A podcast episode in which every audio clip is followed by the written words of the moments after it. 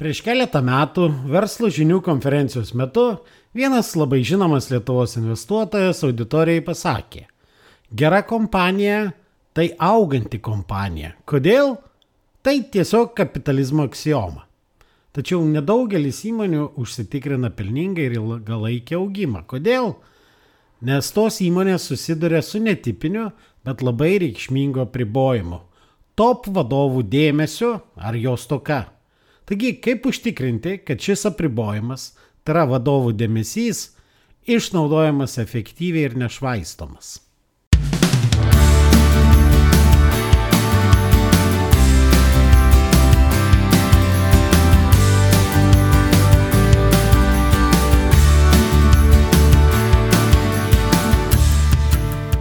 Sveiki, jūs klausotės podkasto Nuo amato prie verslo kuriame tikima, kad verslas turi būti pajamų, pasiekimų ir pasitenkinimo šaltinis, o ne tik kelti stresą ir deginti laiką. Su jumis aš, šios laidos autorius ir vedėjas, verslo konsultantas, treneris ir efektyvumo fanatas Nerius Esinaičius. Jūs klausotės 35-ojo tinklalaidės epizodo. Noriu pasveikinti visus savo tinklalaidės klausytojus su atėjusiu rudeniu. Kruduo taip pat darbymetis. Tai toks metas, kai ne tik nuimamas derlius, bet ir prasideda pasiruošimas naujam sezonui. Kada prasideda kitų metų planavimas ir netgi veiksmai kitų metų sėkmiai. Taigi, ką planuojate nuveikti ateityje ir kokius tikslus kelsite savo kitiem metam? Kaip jau minėjau epizodo įžangoje, Viena iš svarbiausių sėkmingo verslo sąlygų tai yra augimas. Augimas tai ne tik kapitalizmo aksioma, bet ir labai paprastą paaiškinimą turinti sąlyga. Kodėl verslas turi vystytis ir aukti? Juk verslo veiklos išlaidos visuomet auga. Taip pat ir konkurentai nestovi vietoje, jie pastoviai auga ir tobulėja. Tai bent jau dėl to, kad įmonė išlaikytų savo elementarų gyvybingumą, jinai turi tobulėti. Nes jeigu įmonė nesivystys, neauks, jos išlaidos auks greičiau negu pajamos. Ir tokia įmonė paprasčiausiai bankrutuos. O bankrutavęs įmonė, bankrutavęs verslas niekaip negali vadintis sėkmingu verslu. Štai kodėl būtina sėkmingo verslo sąlyga yra verslo augimas. Beje, apie tai, kur kreipti dėmesį į taupimą ir į uždirbimą, į pardavimų didinimą, aš jau kalbėjausi dešimtajame šios tinklalaidės epizode, kuris taip ir vadinosi - taupyti ar uždirbti. Taigi grįžkim prie to, kad sėkmingo verslo būtina sąlyga yra augimas. Ir jeigu įmonė turi užtikrinti tą vystimas ir augimą, kodėl daugeliu įmonių tai nepavyksta? Taip, to priežastis yra apribojimai. Tačiau kokie gali būti apribojimai arba koks apribojimas neleidžia įmoniai aukti? Ar tai gali būti rinkos apribojimas? Taip, trumpalaikiam periode rinka gali būti arba užsakymų trūkumas gali būti apribojimas. Tačiau ilgalaikiam periode rinka labai retai kada gali būti apribojimas arba dažniausiai rinka nebus įmonės augimo apribojimas dėl labai paprastos priežasties.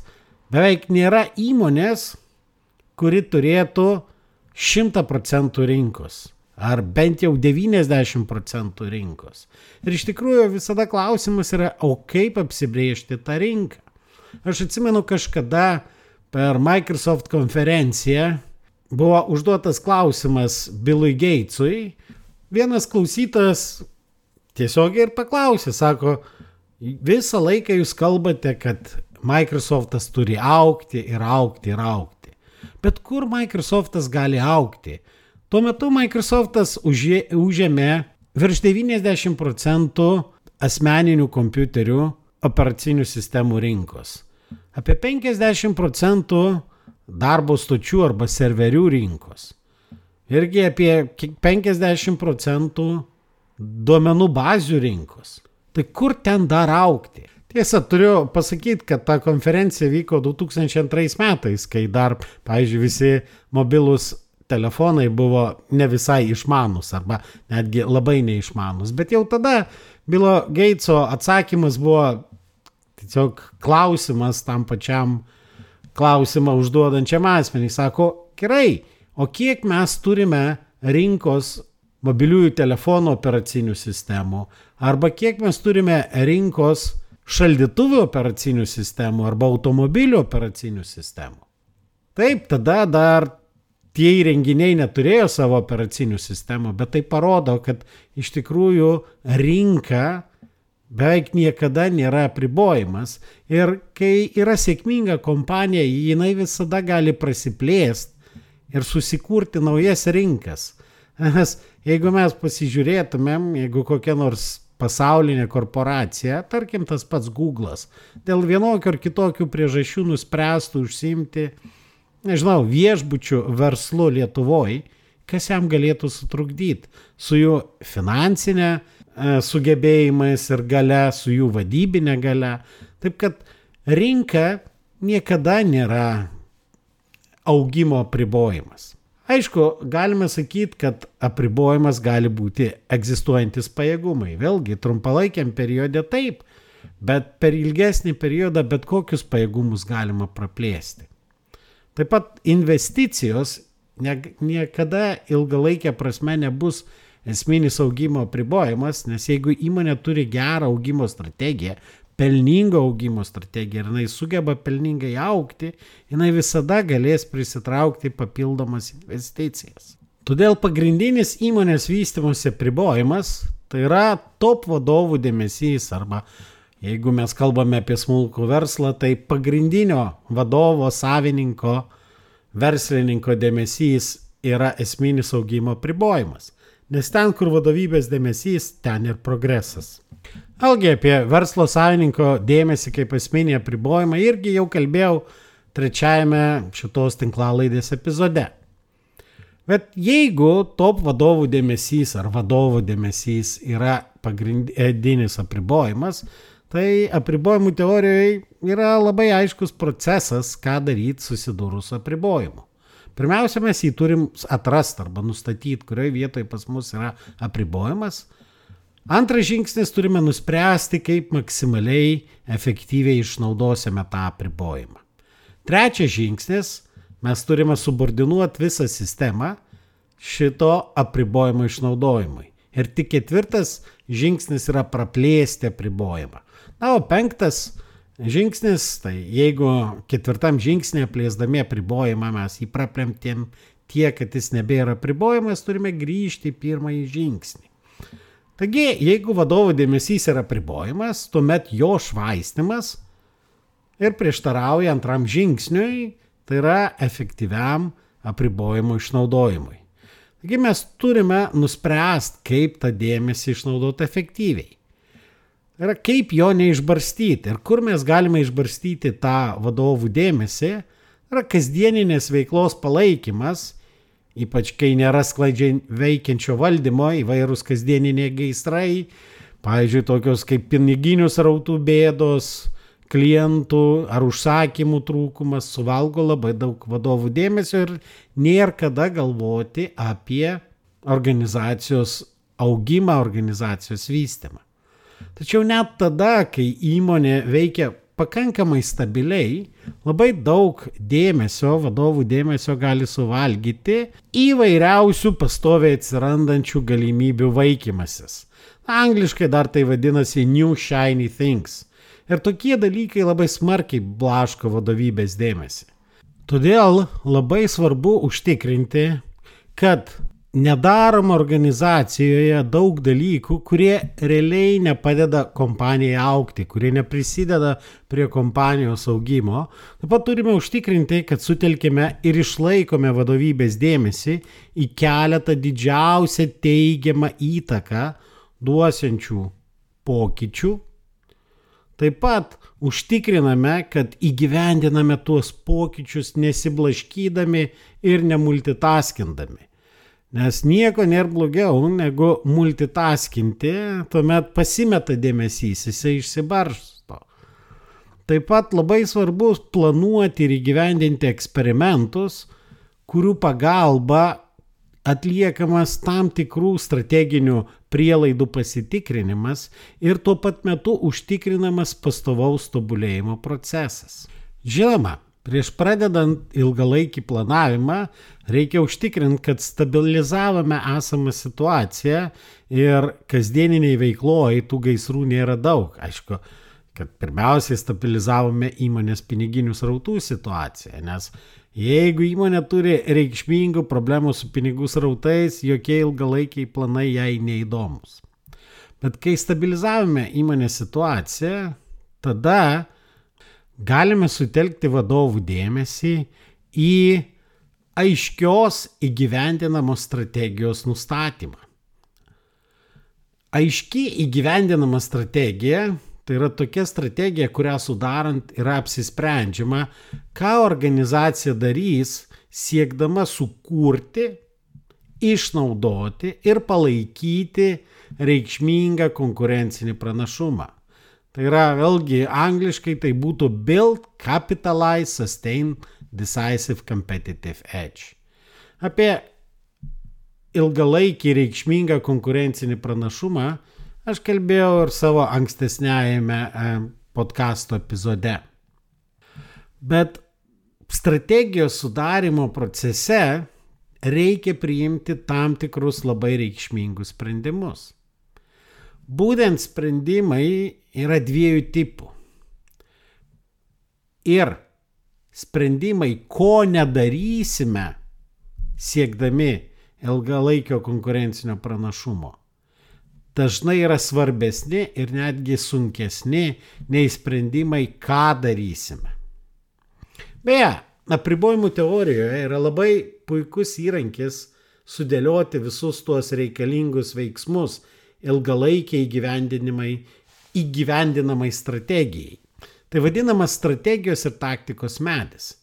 Jis padeda ne tik tai išsigryninti reikalingus veiksmus ambicingo tikslo pasiekimui, bet ir išlaikyti vadovo dėmesį, nes visuomet galima pasitikrinti, ar bet kokia nauja idėja, kurią mes norime įgyvendinti, padės mums padaryti numatytas užduotis ir pasiekti tą ambicingą tikslą, ar vis dėlto ta nauja idėja tik nukreipia ir išblaško mus nuo numatyto tikslo siekimo. Sudarinėjant tą ambicingą, gyvybingą strategiją, mes turime atsakyti į šešis klausimus. Pirmas klausimas yra, koks yra mūsų ambicingas tikslas. Taigi, kokį ambicingą finansinį įmonės tikslą mes norime pasiekti. Dažniausiai toks tikslas keliamas, kokio dydžio pelną įmonė turėtų uždirbti.